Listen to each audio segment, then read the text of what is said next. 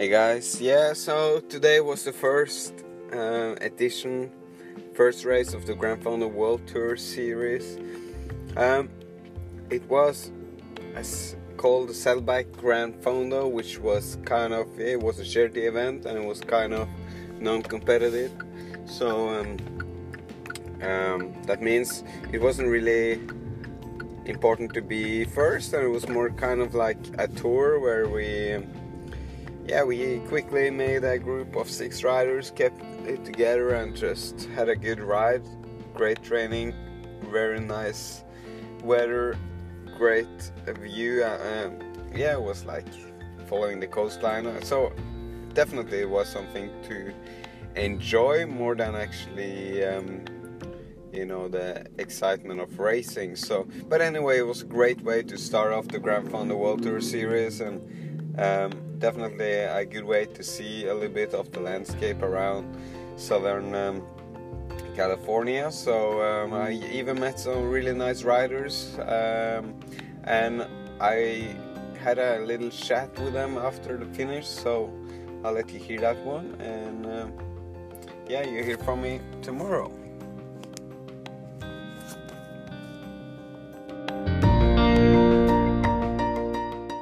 We just finished the Saddleback Grand Fondo, and uh, it was in Irvine, south of Los Angeles, California, 100 miler. And um, I'm now here with uh, Thomas. What's what's your age?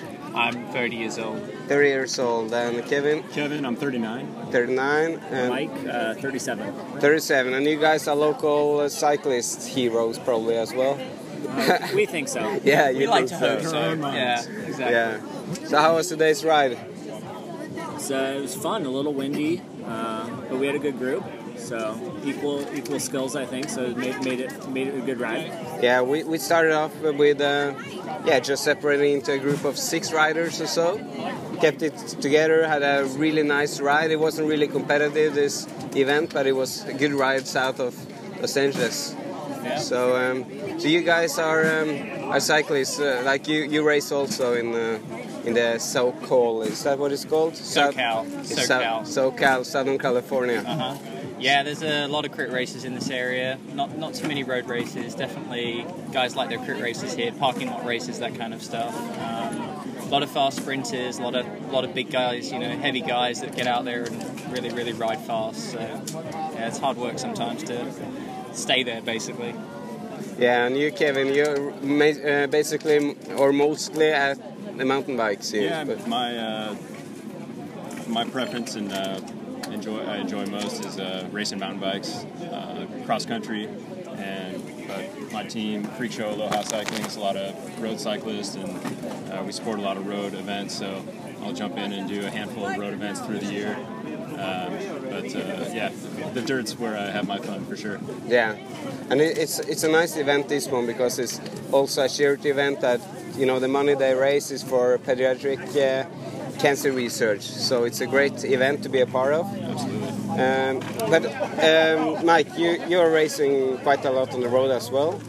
Yep, yep. I, I prefer the road, so opposite of Kevin, but uh, we, we kind of cross over once in a while. So yeah, I've done a, a, a wide variety of road racing, so stage races, road races, crits. I wouldn't say I have like a preference. I'm kind of mediocre at all of them. So uh, I can climb okay, I can sprint okay, I can TT okay. So yeah, I just I enjoy getting out there and racing. So But how many races are it? Uh, or are they in this area? Uh, well, we're losing races in this area, but in California we have a decent selection if, if you're willing to drive. So uh, our biggest one's coming up, San Dimas Stage Race, and there's some good ones up north. So there's still there's still some road races you can find, uh, but like like Thomas said, everything's mostly crits down here. Yeah. So for guys that are you know smaller, less powerful, it's not not ideal, but we can still get to race. So so it's fun. So if you're gonna race the, the road series, then you need to be able to drive drive quite far distance, like five six hours maybe for Yeah, even longer. Yeah, typically, and sometimes longer. Yeah, Yeah. I think we, we maybe have uh, one one ish road race left Yeah. down here in Sarah, San Luis Rey, and San Diego, and that one's I would you know it's it's an in between. It's it's a long flat with an uphill finish. So we do we do circuits on like a 14 mile loop, but that's the one that's still left around here. Yeah. So so yeah. So it's not that many races. Like in Norway, we think, you know, traveling like five, six hours, that's that's a long distance. But you guys do like the double almost the race. Yeah. So. It's Yeah. it's hard when you're trying to train, you know, when you're working a full time job or if you're not a full time cyclist and then you need to try and take time off to drive to a race. It's not like you can get up there early with traffic here being so bad when you're driving such long distances. For sure. Really, you know, it takes a lot of commitment from family and training to really be able to go and do these weekend races. And the best races are definitely a bit of a drive. And like you said, five, six hours is quite normal here. So Yeah. But you guys, Kevin and, and Mike, and even you, Thomas, you, you all raced uh, like how much? Uh, like 200 mile.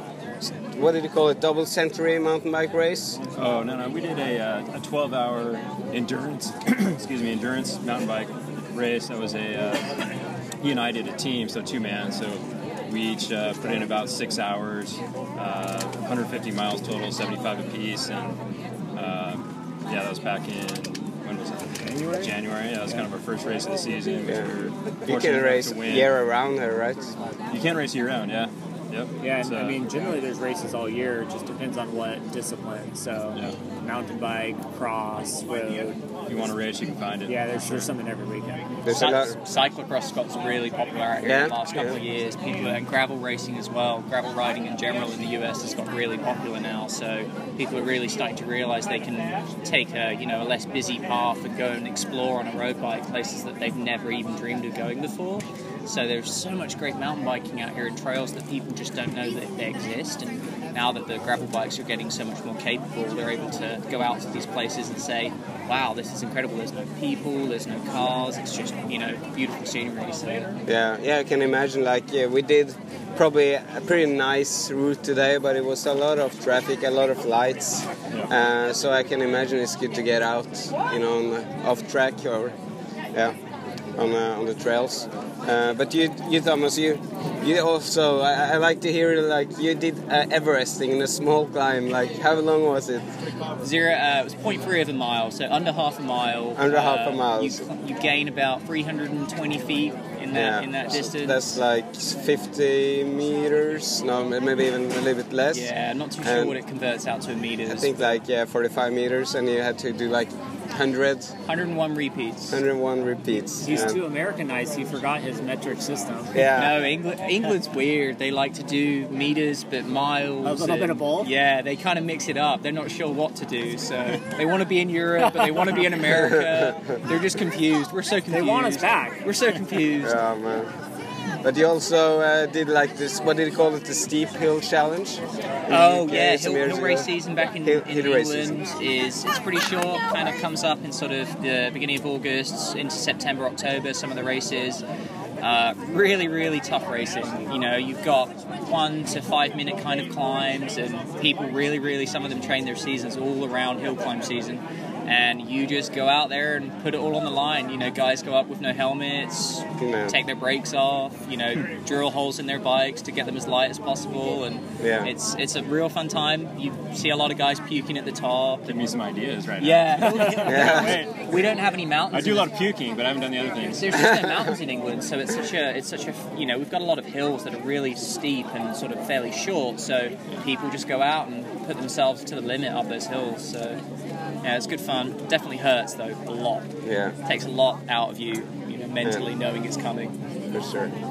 All right, uh, all right, guys. I'll leave you with that. It's uh, it was great riding with you. Great talking with you guys also, and uh, I hope we'll see each other again. Yeah, you too. Yeah, enjoy the very rest. fun. Enjoy the rest of the season. I hope you have a great trip. Okay, I think that was Are pretty you good. on? so- Uh, are you on Strava? yeah, uh, I am. Let me. Up on there. Did you get us last night? Great. No. But should he, if he's on, he'll be on the ride with us. True.